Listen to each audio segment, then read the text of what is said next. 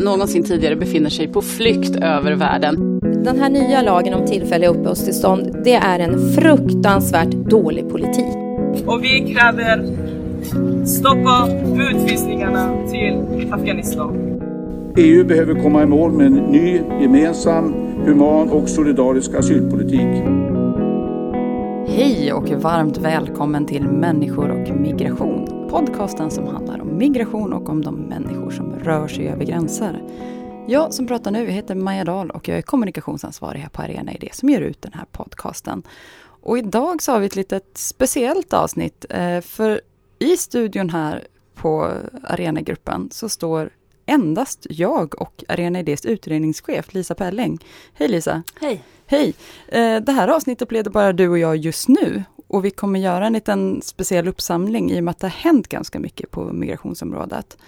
Eh, så att jag tänkte att efter vi har tagit tag i det stora ämnet idag så ska vi prata om vad som har hänt med tiggeriförbudet, vad Moderaterna sa på sin partistämma och hur olika partiers kampanjer nu, vad det liksom tyder på kommer ske under valrörelsen eh, nästa år. Mm. Men innan vi liksom hoppar in i de tre, så du Lisa hade fin besök här i studion tidigare. Precis, jag har eh, intervjuat Malin Björk från Vänsterpartiet som är Europaparlamentariker. Hon har nämligen i Europaparlamentet varit ansvarig för att ta fram eh, Europaparlamentets svar på EU-kommissionens förslag om ett nytt nytt kvotflyktingsystem för EU. Nytt system för hur man kan öka eh, hur många flyktingar som eh, EU gemensamt tar emot för vidare bosättning. Eh, så det handlar alltså om, om, flyktingar som FNs flyktingkommissariat UNHCR bedömer som särskilt utsatta och sårbara och som behöver vidare bosättning utanför liksom närområdet. Hur många är det, är det det handlar om? Ja, eh, bakgrunden till att vi gjorde intervju med Malin det är att eh, EU-parlamentets inrikes justitieutskott LIBE har röstat igenom ett förslag om att EU-länderna ska öka sitt mottagande av kvotflyktingar väldigt kraftigt. Malin Björk har i sin rapport föreslagit att detta ska ökas till 250 000 flyktingar per år. Och det här förslaget antogs med en ganska betryggande majoritet av utskottet. Och öka till 250 000 per år, vad, ligger det på idag? Eh, idag ligger det kring 20 000 per år. Så att det är en ganska kraftig eh, ökning som hon eh, föreslår. Ja men vad spännande, men då tycker jag att vi börjar med att helt enkelt lyssna på din intervju med Malin Björk. Och sen så tar vi tag i de andra migrationsfrågorna sen.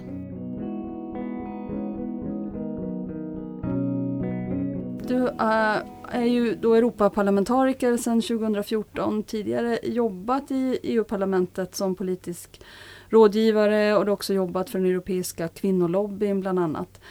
Jag tänkte börja med att ställa frågan till dig Malin om du kan beskriva ditt förslag och vad, vad går det ut på? Ett nytt kvotflyktingsystem för EU, kan man kalla det det? Jo men det kan man kalla det. Och eh, ja, utgångspunkten eh, eh, för mig som huvudförhandlare för e EU-parlamentet har ju varit att EU är en rik, stor kontinent, 500 miljoner invånare och vi ska kunna ta emot betydligt fler kvotflyktingar än vad vi gör idag. Och betydligt fler länder bör delta i ett mm. sådant program. Och då, då tänker man så här att EU ska då ta emot fler och man ska också göra det på ett bättre sätt. Man ska göra ett värdigt mottagande, man ska se till att integrationen funkar, att det finns liksom eh, ett mottagande som, som, som är bra. Och eh, därför var det ju ganska efterlängtat när kommissionen kom med sitt förslag. Att, att liksom nu äntligen kommer det en säker flyktväg, för det är faktiskt det det handlar om. En av flera naturligtvis, men en. Så ditt förslag har föregåtts av ett förslag från kommissionen? Ja, det är alltid kommissionen som, som lägger förslag vad det gäller EU-lagstiftning. Och sen har du reagerat på det som ja. rapportör, visst heter det så? Ja, precis. Mm. Och då, då när vi såg det förslaget, eh, och, alltså som vänstern så har vi sagt att vi vill jobba för säkra och lagliga vägar. Vi lovade det i valrörelsen, det är någonting som vi, vi eh, ta, skulle ta oss an. Men när vi såg det förslaget, då gick det faktiskt ut på tvärtom. Det vill säga, vi ska använda oss av vidarebosättning, ungefär lite grann som med EU-Turkiet-dealen.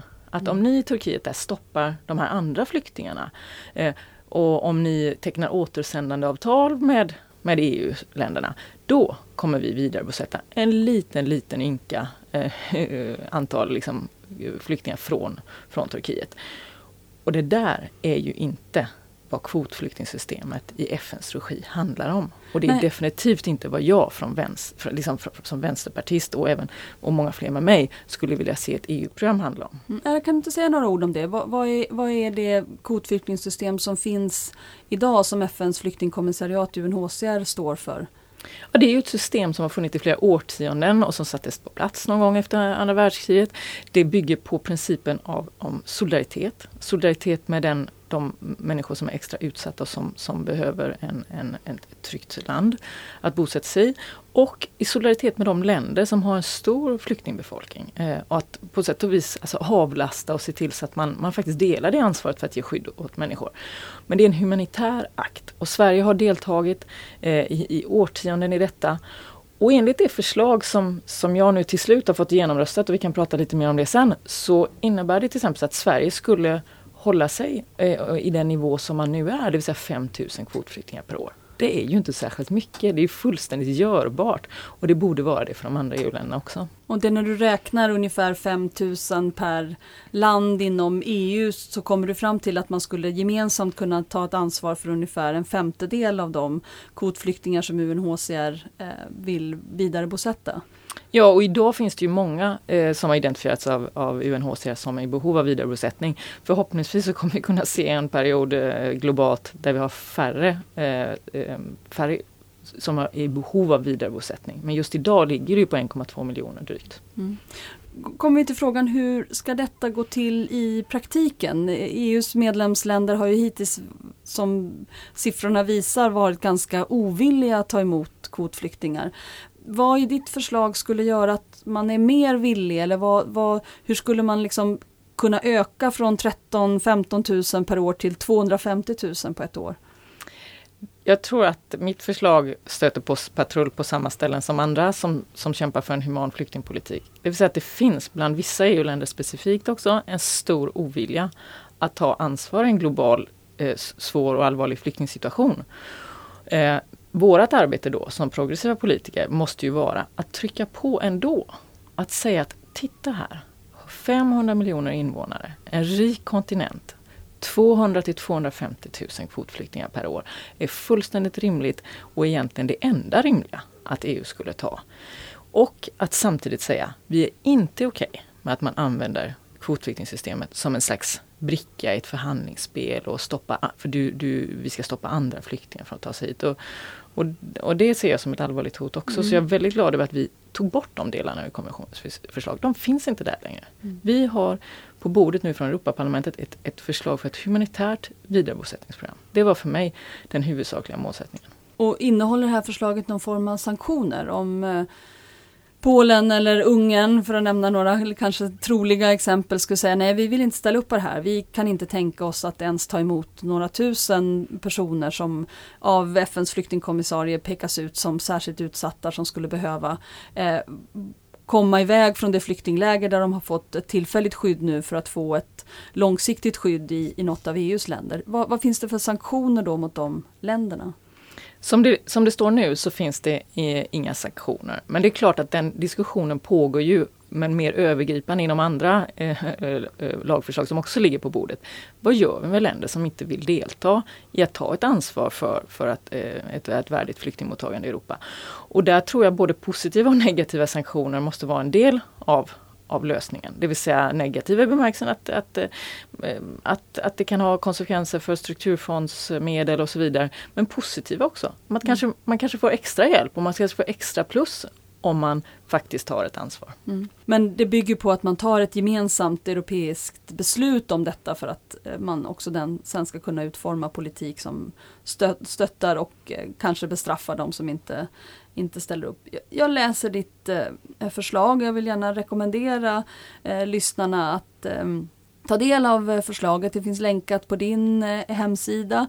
Det är en väldigt tydlig text där man på den vänstra sidan kan läsa EU-kommissionens ursprungliga text och på högra sidan dina förslag till, till förändringar också med, med motivation. Och det är väldigt klargörande tycker jag väldigt tydligt hur de här två förslagen eh, skiljer sig åt. Om, om jag har ett försök att, att sammanfatta så ska jag säga att det du understryker och det du har fått utskottet att gå med på det är att ett kvotflyktingsystem från EUs sida måste vara förankrat i det internationella skyddssystemet. Det måste bygga på UNHCRs principer, det måste involvera och respektera UNHCRs eh, mandat. Det ska handla om långsiktiga lösningar, man ska inte ta emot människor för bara en kort tid utan man ska vara villig att erbjuda människor en möjlighet att skapa sitt liv i EU, att, att, att, eh, att eh, känna så att säga långvarig trygghet. Och så skriver du också på, på flera ställen att ett system för kvotflyktingar ska komplettera och inte ersätta nationella system. Kan du gå in lite mer på, på detta att eh, detta att ta emot kvotflyktingar inte kan vara enda sättet som EUs medlemsstater ger människor som har behov av skydd, skydd just i, i EU. Vad finns det för andra sätt att ge, att ge skydd? Jag tycker det är oerhört viktigt att man inte ser eh, vidarebosättningssystemet, eller det här kvotflyktingsystemet, som ett sätt att att stänga alla andra lagliga vägar och, och att, att, söka sig eh, till trygghet i Europa. Utan tvärtom så är detta bara ett förslag. Det kommer inte stoppa spontanankomster.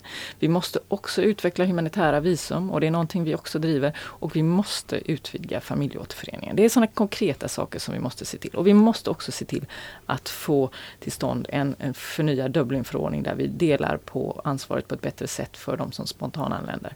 Men jag tror att vidarebosättning är i sin tappning, i, i FNs tappning, är faktiskt ett väldigt positivt instrument för att visa solidaritet med den enskilda flyktingen, med eh, länder som har en stor flyktingbefolkning. Och det är ett viktigt sätt också för att växa som, som, som länder och som, som ett Europa som tar emot flyktingar. Och visa att det är det här vi gör i Europa. Jag tänker mig också att om EU skulle säga vi eh, är beredda att öka från 15 000 per år till 250 000 per år. Att detta också skulle kunna påverka folkopinionen och i, i förlängningen regeringar i andra delar av världen som säger det här kan EU göra. EU gör det här för att man vill, för att man vill ta det här ansvaret, för att man tycker att det är en bra sak att göra. Har du sådana förhoppningar också om att om EU ökar sitt ansvarstagande att andra länder skulle kunna göra det också? Jag tror absolut att det är stora spelar oerhört stor roll eh, vilket ansvar EU tar globalt därför att vi ser hur länder som, som eh, USA nu under Trump-administrationen minskar sitt kvotflyktingmottagande medan Kanada faktiskt eh, då håller sig på ganska höga nivåer. Så det är klart att EU ska vara bland de aktörer som, som visar att man menar allvar på den här banan. Det... Kan man säga omvänt också att om EUs eh, politik när det gäller att ta ansvar för människor som söker skydd för, för världens flyktingar skulle minska, skulle bli mer restriktivt, att det också skulle kunna påverka andra länder i, i mer restriktiv riktning också. Självklart, om en av de mäktigaste, rikaste kontinenterna stänger dörrar på människor, för människor på flykt, då är det klart att det ger liksom grönt ljus åt andra länder som har mycket svårare situationer kanske, både vad det gäller sin politiska stabilitet och ekonomiska situation, att, att stänga sina gränser. Det vore fullständigt fatalt, det skulle undergräva eh, internationell asylrätt. Just det. det ska man påminna om att en överväldigande majoritet av världens flyktingar redan idag mm. befinner sig i utvecklingsländer, i mm. låginkomstländer länder och inte eh, befinner sig i EU eller Nordamerika eller i de eh, höginkomstländerna i världen. Precis, om man lyfter blicken så är det helt absurt att vi ska stå i en situation där fullständigt eh, eh flyktingfientliga krafter får diktera dagordningen när vi egentligen tar emot så, så försvinnande få utav världens flyktingar. Mm. Om vi tar eh, processen. EU-kommissionen har lagt fram ett eh, förslag. Eh, om jag har förstått det rätt så är det förslaget en tanke bakom det, någon slags befästande av de principer som rådde i avtalet mellan EU och Turkiet. Man pratar på juridiskt språk om att man kodifierar det. Eh, du har genom ditt förslag och genom att få utskottet att gå med på det skickar du en signal till nästa eh, instans som blir det Europeiska rådet, eh, stats och regeringschefernas möte, om att de principer som man ska följa är till exempel att systemet måste vara förankrat eh, i FN-systemet och FNs eh, flyktingkommissariat UNHCR. Du säger att det här måste handla om långsiktiga lösningar eh, och du, du säger att det här inte är den enda lösningen utan det måste kompletteras av fler lagliga vägar och också av nationella lösningar vad händer nu eh, med förslaget? Vad är, vad är, nästa steg och vad har du för förhoppningar om att, om att, eh, att du har vunnit den här eh, omröstningen i utskottet, att, vad det ska kunna leda till? Eh, som jag ser det då som, som aktiv för en humanare flyktingpolitik, för ett öppnare Europa, så får man ju ta varje fight för sig. Liksom. Det första steget nu, och det är över ett år av förhandlingsarbete som ligger bakom den här eh, eh, omröstningen och att vi fick ett så positivt resultat. Nu har jag fått ett mandat från Europaparlamentet att gå i förhandlingar med rådet. De har inte kommit med sin ståndpunkt ännu, men jag, jag tvivlar på att den kommer vara så pass, så pass eh, progressiv som våran eh, i slutändan är här nu då. Och, När du eh, säger rådet, vad, vad innebär Då menar jag medlemsländernas regeringar, ja. deras migrationsministrar. Mm. Så att Helene Fritzon och, och kompani som åker ner och diskuterar det här tillsammans. Men det är ju oerhört viktigt att vi har några länder då som tar på sig ledartröjan i rådet och säger att ja, men det är det, det här vi ska basera oss på. Europaparlamentet har rätt, kommissionen hade fel. Vi vill ha ett humanitärt program. Kommer du att kunna räkna vill... med den svenska regeringen där? Ja, jag hoppas så. Jag hoppas det och jag hoppas att, att, att eh, SMP-regeringen känner ett, ett hårt tryck på sig. Sverige har en tradition av att delta i FNs vidarebosättningsprogram. Man ska inte förvrida det till att handla om någonting annat. För jag hör ju också i debatten, och, och eh, kanske kommer till det senare, men att vissa vill använda det här precis som EU och Turkiet till att stoppa andra. Och att detta skulle vara den enda vägen du får komma till Europa. Mm. Det är ju befängt. Det här kommer aldrig bli den enda vägen att komma till Europa och söka trygghet. Människor har rätt att fly och människor har rätt att söka skydd. Man, ska inte man, man kan och får inte avskaffa den. Men vidarebosättning är ett väldigt, väldigt bra sätt att ge skydd åt en begränsad andel människor. Mm. Jag tänkte att vi skulle gå över till det faktiskt. För detta att eh, tänka sig att ersätta den möjligheten att eh, korsa en gräns och sedan på andra sidan den gränsen söka asyl och inte bli straffad för att man har korsat gränsen och, och dessutom få en verklig möjlighet att få sina skäl till att få skydd prövade på den sidan gränsen. Att inte skickas tillbaka om man riskerar förtryck eller förföljelse, omänsklig behandling, vilket ju är kärnan i, i asylrätten, här principen som på, med ett franskt uttryck kallas non-refoulement, att man inte skickar tillbaka människor som riskerar förtryck eller förföljelse eller eh, omänsklig behandling ett sådant förslag förs nu fram av de svenska moderaterna som menar att man borde ersätta Genèvekonventionen, att man borde omförhandla den och ersätta den med just ett kvotsystem. Hur, hur ser du på det? Jag tycker det är fullständigt oacceptabelt att eh, Moderaterna tillsammans med vissa delar av högern i eh, EU naturligtvis går fram med ett förslag som de facto skulle undergräva internationell asylrätt på det på det mest grundläggande sättet. Det vill säga att man, man, man bryter mot principen om eh, non-refoulement. Och eh, återigen, vi kan inte bygga ett liksom, tillslutet, fullständigt tillslutet eh, eh, Europa där, eh, där vi placerar människor i läger där, som, vi inte kan, som, vi, som vi inte ser och som vi inte har, har kontroll över och som, som vi på något sätt eh, kanske ska outsourca då till tredje länder. Det, det, det är liksom att sätta i system en slags omänsklighet och icke-medmänsklighet som jag inte skulle vilja se. Mm. Om man tar lite mer konkret, om man avskaffade möjligheten att spontant söka asyl inom EU, hur, hur tänker man sig att man ska hantera människor som trots allt flyter i land med en, med en båt på Lampedusa eller på eh, Sicilien eller för den delen eh, på någon av de grekiska öarna. Va, va, va, hur tänker sig de som förespråkar ett kvotsystem att man ska göra med människor som kommer i den situationen? Jag höll på att säga, det får man fråga dem om. Men ja. jag har ju också läst vissa av de andra lagförslag som ligger och där, då, då, då står det att man ska till exempel an, eh, man ska um, använda sig av eh, första säkert land. Och det säga, har du då passerat Jordanien eller någonting annat som kan ses som ett säkert land i bemärkelsen att ditt liv inte hotas så ska du skickas tillbaks dit. Punkt basta liksom. Och, utan att man gör en individuell prövning om prövning. Ja. Och, att det, och det, sådana förslag ligger på bordet och vi håller också på att arbeta med dem. De har inte röstats ännu i Europaparlamentet. Men det är klart att vi håller dem under uppsikt för alla de här lagförslagen hänger ju ihop. Men det som var riktigt farligt och är farligt i och med att Moderaterna till exempel då tar ställning för det här att vi ska, vi ska förlägga eh, flykting eh, eh, och asylsökandena utanför Europa är att vi har en politik out of sight, out of mind. Externalisering av gränserna, det vill säga outsourcade gränser någon annanstans. Öläger som, som man har, har lagt sig till med i Australien. Vi ska inte ha den utvecklingen i Europa. Jag tror att det är jättefarligt för rättssäkerheten, för mänskliga rättigheter, för vad det gör med oss som människor och naturligtvis för hur flyktingar kommer behandlas. Mm. Jag studsade över en, en formulering i EU-kommissionens eh, förslag till text som handlar om att ett kvotflyktingsystem skulle öka EUs eh, möjligheter att förhandla med länder som flyktingar kommer ifrån. Man tänker sig att man ska liksom öka EUs eh, eh möjligheter att, att kontrollera och då, då tänker man att eh, det här är igen då använder man eh, kvotflyktingar som ett slags eh, bricka i ett förhandlingsspel. Eh, och eh, genom att placera flyktingar på tryggt avstånd så slipper man då så att säga eh, hantera flyktingrörelser överhuvudtaget. Är det så du läser kommissionen också?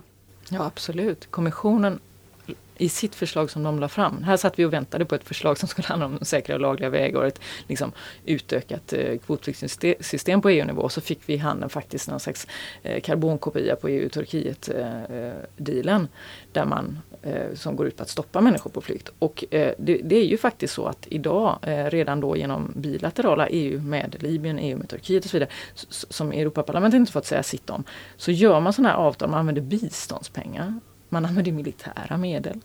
Ehm, man använder sig utav visumpolitiken.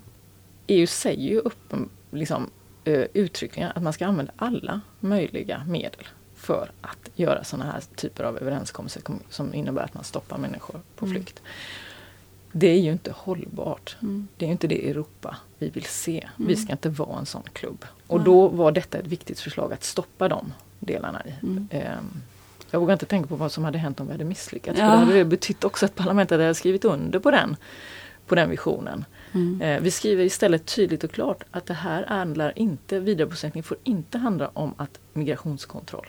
Mm. Det är inte ett instrument för mm. migrationskontroll. Det var en jätteviktig mening för oss att få in. Liksom. Mm. Och en fight. Ja, ja men jag förstår det. Jag, jag, jag läser också um, Eh, utskottets förslag, det som har röstats igenom nu, som en markering om att principen som ska gälla är att EU ska ta sin del av det globala ansvaret för, för, för att ge människor eh, skydd och att kvotflyktingsystemet är en del av det. Det ska inte vara en del av att EU ska kunna avhända sig ansvaret, ska kunna slippa ifrån ansvaret, ska kunna förskjuta ansvaret någon annanstans, ska göra sig oberoende av länder som tar ett väldigt, väldigt stort eh, ansvar.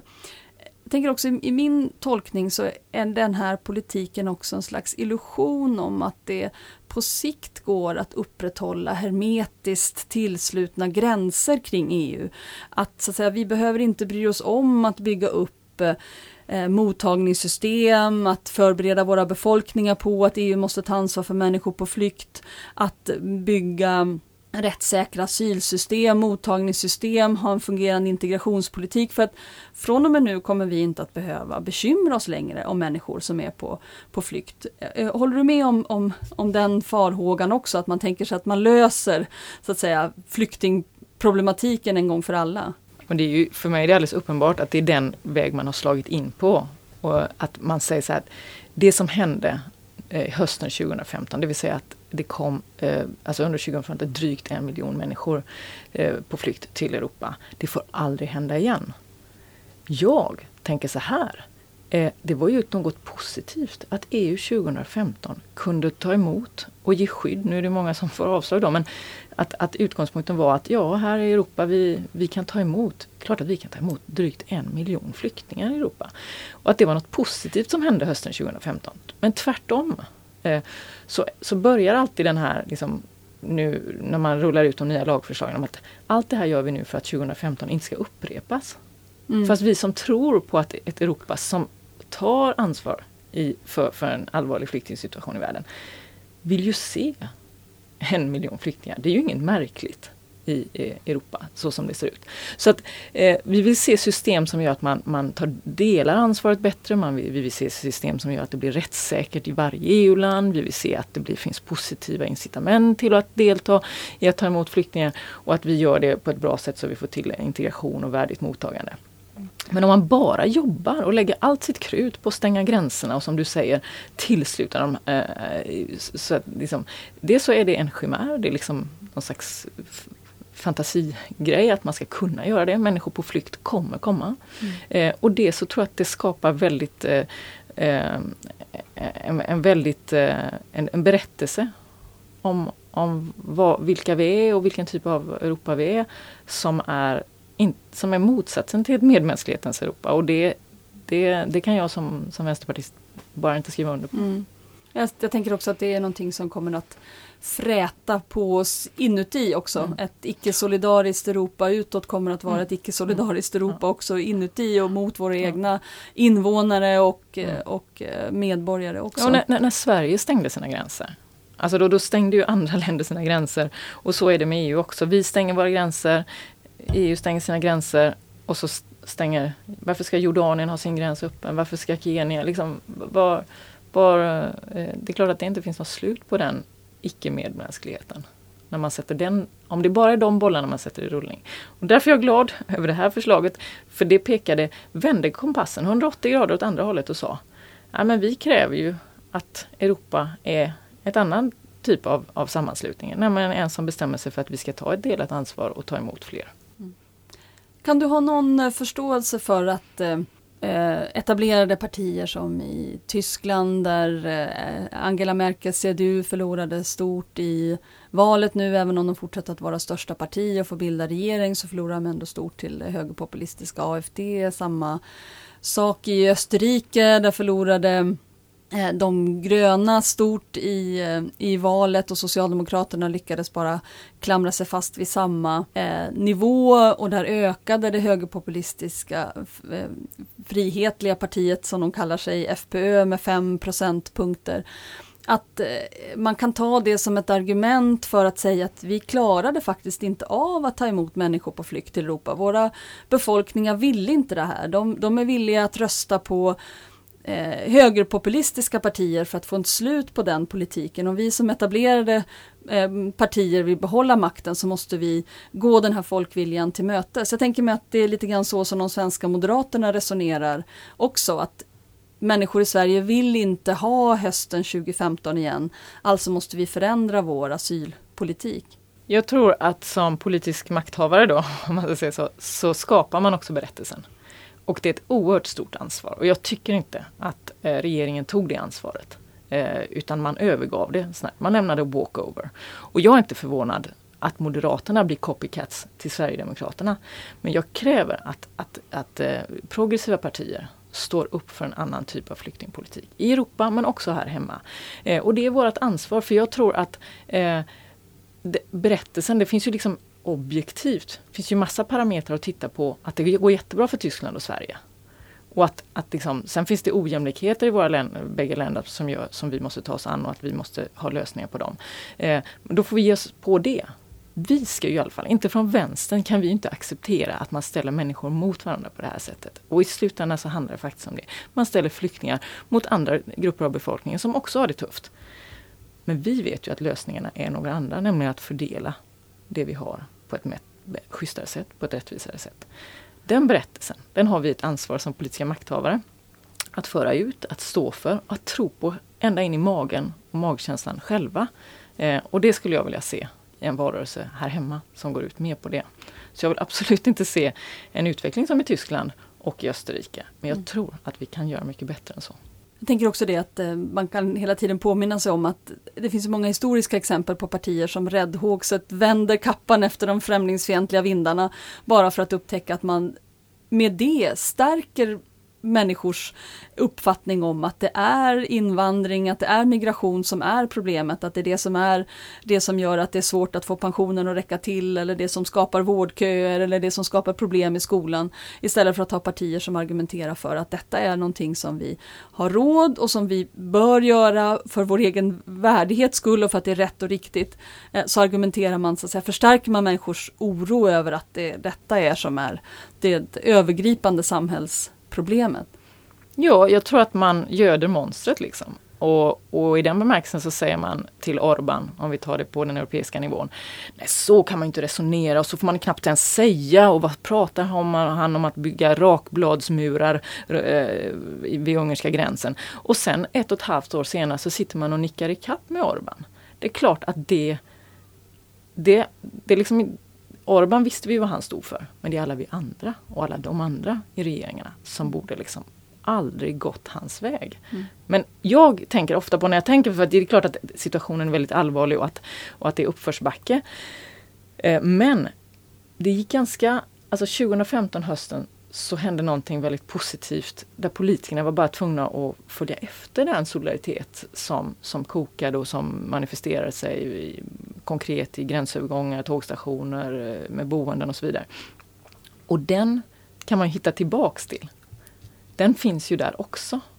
Och den finns här i Sverige med alla som gömmer eh, utvisningshotade unga, eh, ungdomar som, som ser till att eh, vill skapa en framtid för de som sökte sig hit.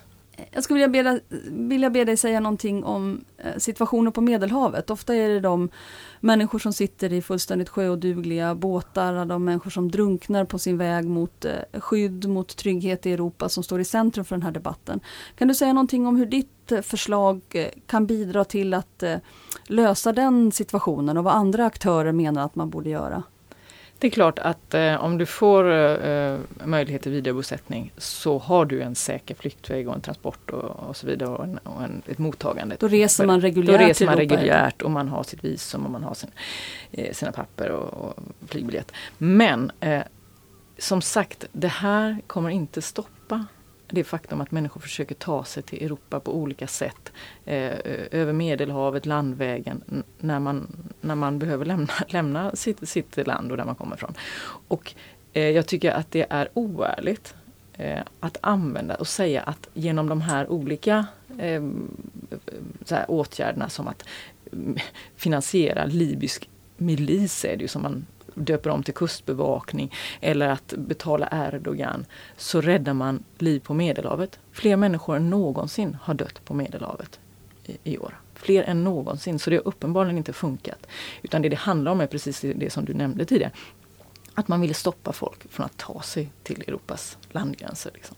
Eh, så att, så att eh, eh, det behövs andra saker för att stoppa döden på Medelhavet. Och vi, vi har krävt en, eh, en, eh, en europeisk livräddningsinsats och istället så, så, så finansierar man en militär insats, man finansierar libysk milis, eh, att stoppa båtar. Och man försvårar för de som har gått in och skött livräddning till viss utsträckning, nämligen frivilligorganisationer. Man försvårar för dem genom en sån här uppförandekod. Och om jag ska vara helt ärlig så tycker jag också ett av hoten eh, med EUs politik och, och kanske även eh, Sveriges politik då är att man försvårar solidaritet och i vissa fall till och med kriminaliserar då solidaritet. Så att, eh, som, som SVTs reportrar som blev dömda för smuggling när man faktiskt utan någon som helst betalning hjälpte en, ett barn, liksom en, en mindreårig, att ta sig till Sverige och trygghet. Samma ser vi sker, att man blir dömd för smuggling för att man, man hjälper till, en fis, fiskare hjälper till att, att rädda liv i Medelhavet och sådana saker. Det där är ju jätteallvarligt om vi nu tar det till sin, till sin spets. Alltså. Mm. Så argumentet för ett, eh, att ett utökat europeiskt kvotflyktingsystem ska inte vara att det är det eh, förslag som ensamt skulle kunna eh, stoppa döden på Medelhavet utan det krävs helt andra åtgärder för att se till att människor kan färdas på en laglig och säker väg till, till EU.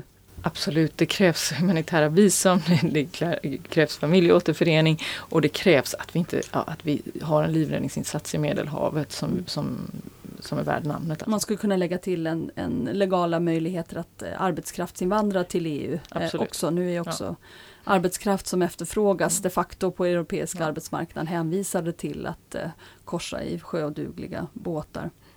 Vi håller på att eh, närma oss slutet på den här intervjun. Jag skulle vilja be dig att avsluta med att spana lite in i framtiden, åtminstone de närmaste månaderna, kanske året. Du har fått igenom det här förslaget, det som du beskriver, frukten av ett långt, minst ett års eh, förhandlingar och fotarbete i Europaparlamentet för att få med en tillräckligt stor majoritet för att få igenom förslaget. Nu går det vidare till eh, regeringarna. Vad tror du blir nästa steg? Kommer du kunna få gehör för det här? Kommer det att kunna förverkligas ett eh, utökat europeiskt ansvarstagande för människor som behöver vidarebosättning, ett utökat kvotflyktingsystem? Eh, när jag började arbetet eh, med det här förslaget då så sa folk att det skulle vara omöjligt att skriva om det på det sättet att det faktiskt skulle svängas om 180 grader till att handla om ett humanitärt eh, kvotflyktingsystem på EU-nivå. Vi klarade av det. Eh, men jag är naturligtvis inte naiv över vad som väntar med förhandlingarna med rådet. Rådet har inte satt ner sin fot ännu. Eh, och jag tror att det är väldigt viktigt att vi nu i alla fall har en utav EUs institutioner, beslutsfattande institutioner, Europaparlamentet, som har ställt sig bakom ett humanitärt vidarebosättningsprogram som inte får användas för migrationskontroll alla Moderaterna eller, eller eh, något annat. Och att, att vi kommer kunna gå in starka i de förhandlingarna. Eh, vad det kommer landa, det vet jag inte. Jag tänker faktiskt, om jag ska spana, så tänker jag mig, och det gäller inte nog bara den här, Eh, det här lagstiftningsärendet, utan andra också, att kanske får vi inte ombord alla EU-länder. För det har ju faktiskt inneburit att man har anpassat sig till den minsta gemensamma nämnaren i ganska lång tid, det vill säga till vicegradländerna, de som är minst villiga att, att ta emot flyktingar. Och kanske behöver vi, speciellt vad det gäller här kvotflyktingsystem, kunna lansera det som, en positiv, eh, som ett positivt program, eh, som ett humanitärt program. Och då eh, får vi börja med de som är villiga att vara med. Eh, och att man inte sitter och väntar på de där fyra, fem, sex länderna som kanske är tveksamma till en början om jag spanar ett år in i framtiden så kanske det skulle vara en möjlighet. Jag skulle tycka att det vore positivt också. Jag tycker inte att vi kan nöja oss längre med att bara gå liksom trappan ner oss i det här liksom race to the bottom som mm. vi har sett just nu. Härligt, ett litet ljus eh, i slutet på en väldigt mörk eh, tunnel som vi befinner oss i just nu. Eh, tack så hemskt mycket Malin Björk för att du kom hit och pratade med oss på människor och migration. Eh, det här avsnittet kommer att sändas några dagar efter att vi har gjort eh, den här intervjun. Och mycket kan hända men eh, vi passar på att önska dig lycka till i det fortsatta förhandlingsarbetet. Tack så mycket. Tack ska ni ha. Så, då är vi tillbaka här eh, i studion igen med Maja Dahl och Lisa Pelling. Gud vilken intressant intervju. Mm.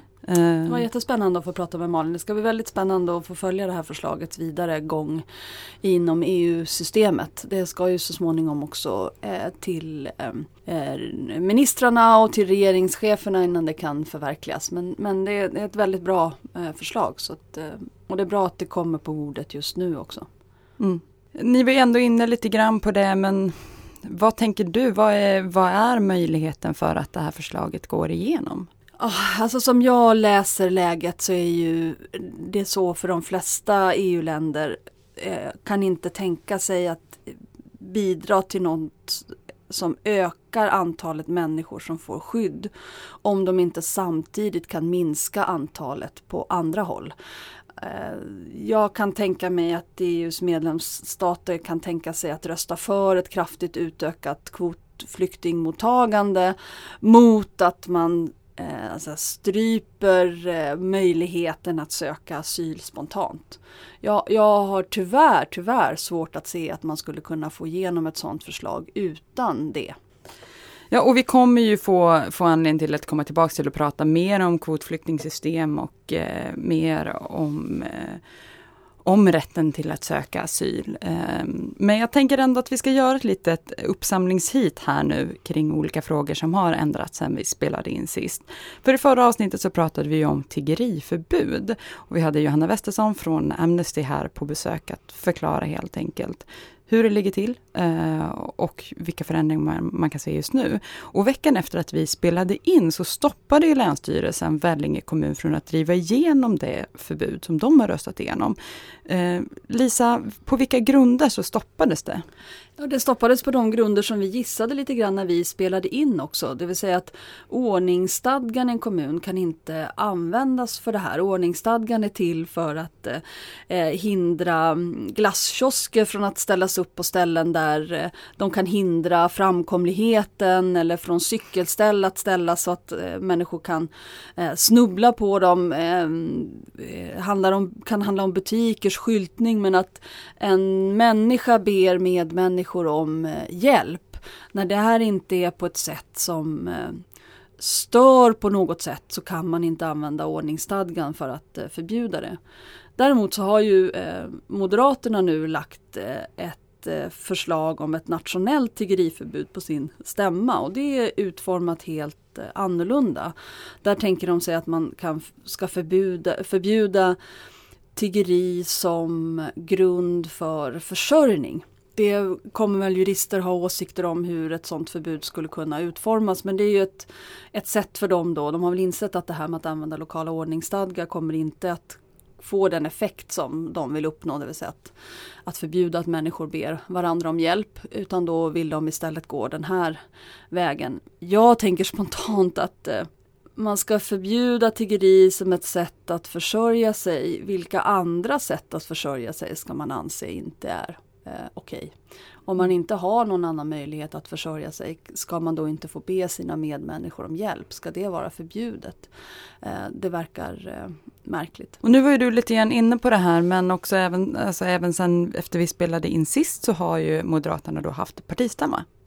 Var det något annat då förutom tigger, nationellt tiggeriförbud som, eh, som kom upp under den stämman? Finns det någonting man kan se om hur migrationsfrågorna lyftes som gör att man kan ana vad, hur de kommer driva kommande valrörelse? Ja, Moderaterna bekräftar ju att de vill se en permanent skärpning eller åtstramning eller begränsning av svensk eh, asylpolitik. De tycker att den tillfälliga lag som gäller nu eh, ska fortsätta att gälla. Och de tänker sig ännu mera allvarliga inskränkningar i möjligheten att få Eh, skydd i, i, i Sverige och i EU eftersom man föreslår att man inte längre ska kunna söka asyl i EU. De eh, föreslår att man ska kunna söka asyl enbart utanför EU och enbart kunna ta sig till EU eh, med olika former av kvotflyktingsystem. Och det här är ju, eh, och det skriver de också öppet i eh, handlingarna till eh, stämman, eh, skulle innebära att man måste Ehm, överge FNs flyktingkonvention. Eh, de menar att den är otidsenlig och jag skulle hävda precis tvärtom. Den har aldrig varit viktigare än den är idag. Och vi kommer ju definitivt göra så att vi spelar in ett avsnitt nu framöver där vi tittar mer på vilka förslag som finns kring, kring eh, Genèvekonventionen och hur de här olika förslagen eh, antingen då bryter mot det eller vad man kommer kunna göra framöver. Mm. Eh, men när vi ändå pratar lite grann om eh, kampanjer och partiers positionerande. Så en annan grej som har dykt upp sen vi spelade in sist är ju att Socialdemokraterna har gått ut med en ny kampanj som har diskuterats en hel del. Lisa, vad är det för kampanj som har dykt upp och vad säger det om vad vi kan förvänta oss framöver? Ja, eh, jag vet inte om man ska kalla det kampanj men det är i alla fall en bild som man har lagt upp och spridit via sin Facebook-sida eh, där det står eh, Vi slår vakt om Sveriges säkerhet och så står det under det den svenska modellen ska utvecklas, inte avvecklas det är inte så konstigt den här texten i sig. Eh, men det som gör det väldigt problematiskt är att den illustrerades med en bild på en gränskontrollant, en passkontrollant på ett tåg. Vilket gör att alla förstår att den här bilden är tagen på tågen som går över Öresundsbron. Och att det här handlar om gränskontroller och att Socialdemokraterna sätter likhetstecken mellan att eh, trygga Sveriges säkerhet och gränskontrollerna på Öresundsbron som ju infördes under flyktingsituationen hösten 2015. Eh, och det här har ju många med all rätt blivit väldigt upprörda över för det här är ju att sätta likhetstecken mellan eh, hot mot säkerheten och sånt som kommer utifrån, sånt som korsar Öresundsbron, sånt som är invandring, migration, eh, i förlängningen också eh, flyktingar eller det, ja, det träffar särskilt hårt den här veckan när hela Sverige har liksom eh, berättat om erfarenheter av sexuella övergrepp och sexuella trakasserier under hashtaggen metoo. Eh, och sen så gör Socialdemokraterna någonting på tema säkerhet och då handlar det om säkerhet mot invandring. När det är så uppenbart för alla att det som verkligen hotar människors säkerhet i Sverige är sånt som, som sexualiserat våld, som sexuella trakasserier, eh, som inte har ett dugg med gränskontroller att göra. Kan man säga någonting om varför den här kampanjen kommer nu? Uh... Vad, är, det någon, är det en testballong? Är det en, en antydan på vad vi har att vänta under valåret nästa år? Vad, vad kan man säga om att, att den här frågan dyker upp nu? Jag skulle tro att det finns någon slags uppfattning inom socialdemokratin om att man måste markera hårda tag, gränskontroll, säkerhet inom eh, migrationsfrågorna. Snarare än att eh, markera detta som, som eh, som är så viktigt, det vill säga att vi måste vara stolta över det som Sverige gör och kan göra för människor eh, på flykt och försöka bygga vidare på det och försöka steg för steg utvidga Sveriges ansvarstagande till exempel genom att utveckla nya lagliga vägar för att få eh, skydd eh, i Sverige. Och, det är väl tyvärr så att, att när Moderaterna går längre högerut så Eh, finns ju risk att de också påverkar debatten i den eh, riktningen. Eh, jag tror däremot, och det brukar jag tjata om ofta, att det är helt fel. Jag tror att att liksom sträcka upp ett räddshågset finger i en främlingsfientlig vind och känna efter vad vindarna blåser och sen vända kappan efter vinden. Det I det här fallet så riskerar det snarare att liksom stärka främlingsfientligheten. Ja, stärka människors felaktig uppfattning om att hoten mot människors säkerhet i Sverige är någonting som skulle komma över Öresundsbron. Mm. Det får bli det sista som sägs i dagens avsnitt. Eh, vi är tillbaka i eten tänkte jag säga. Nästa avsnitt helt enkelt kommer den 10 november. Eh, fram tills dess, om ni känner att ni vill lyssna på någonting som Arena Idé gett ut, så har ni ju eh, vår syskonpodd Pengar och politik som just nu gör neddykningar i historien och kollar på 80 och 90-talet bland annat. Ni kan även lyssna på Arena Play där vi lägger upp inspelningar från, från våra seminarier och just nu ligger en inspelning för vårt seminarium juridifiering. Ett väldigt välbesökt och eh, mycket intressant seminarium vad som händer när makten förskjuts från politik till juridik. Och dessutom, för dig som är intresserad av skola och utbildningspolitik, så har Jakten på den jämlika skolan släppt ett sprillans nytt avsnitt där man pratar om elevhälsa och där eleverna själva kommer till tals. Så gå gärna in på er, er podcastapp eller där ni hittar poddar och så söker ni på någon av Arena Play, Pengar och politik eller Jakten på den jämlika skolan eller varför inte alla tre och helt enkelt lyssna på det Arena Idé ger ut.